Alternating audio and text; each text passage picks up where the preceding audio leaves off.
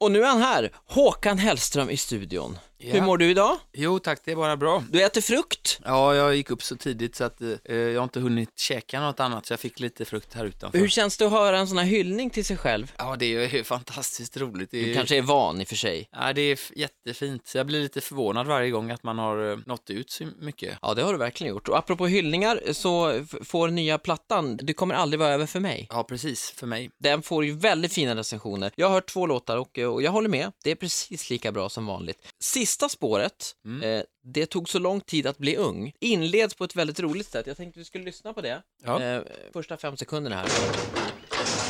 Gammal jävla skit. Det där är ju ett Jönssonligan-citat från en film ju. Ja, det är det. V- Vilken film är det? Varning för Jönssonligan. Och det, du har valt att ta med det här, varför då? Jo, ja, låten är lite tillbakablickande och det är liksom en gammal kärlekshistoria kan man väl säga som ligger Mm. och skräpar huvudet där som, och då passar det rätt bra med uh, Weiron innan som Alltså hur bra är de Gammal där? jävla skit. De Och där så- filmerna är ju superbra. Ja, de är fina. Jag gillar eh, svenska filmer. De är, jag tycker om svenska språket, där man kan relatera till det, eh, då alla karaktärer som visas. eh, Det är ofta folk som man ser omkring sig hela tiden. Mycket igenkänning, eh, Sällskapsresan och sådär. ni vet. Sen så se- ser man miljöer som man känner igen också. Ja, jag tycker om svenska filmer. Och du gillar även svensk musik. Jag har hört någonstans att du, Herreys var i alla fall ett stora idoler för dig. Ja, ja, eh, ja det var de. Och var det här absolut. i samband med liksom när de kom då med Gyllene skor, Diggiloo Diggiley? Eh, Ja, precis. Jag var tio år då och det var väldigt stort att, eh, eh, med Melodifestivalen och allt sånt där. Så jag, jag lärde mig hela dansen. Och, Alltså du kan, kan du Mm. Ja. den fortfarande? eh, nej, inte hela dansen. Nej okej.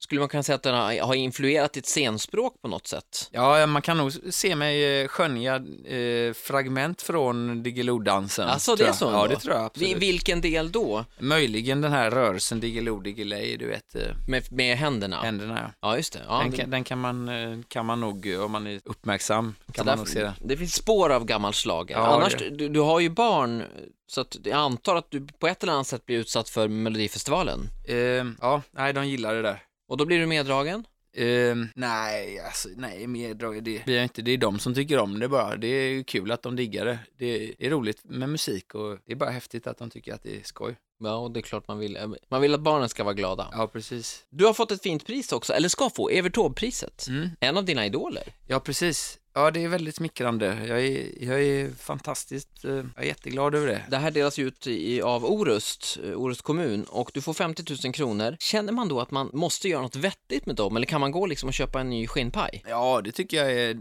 det vettigaste man kan göra nästan. Alltså det går, Ja, det funkar. Ja, det tycker jag. Men, men samtidigt så, eh, ja, man vill ju som du säger göra någonting bestående av det på något sätt. Men eh, jag vet inte riktigt vad, det, det får vi väl se.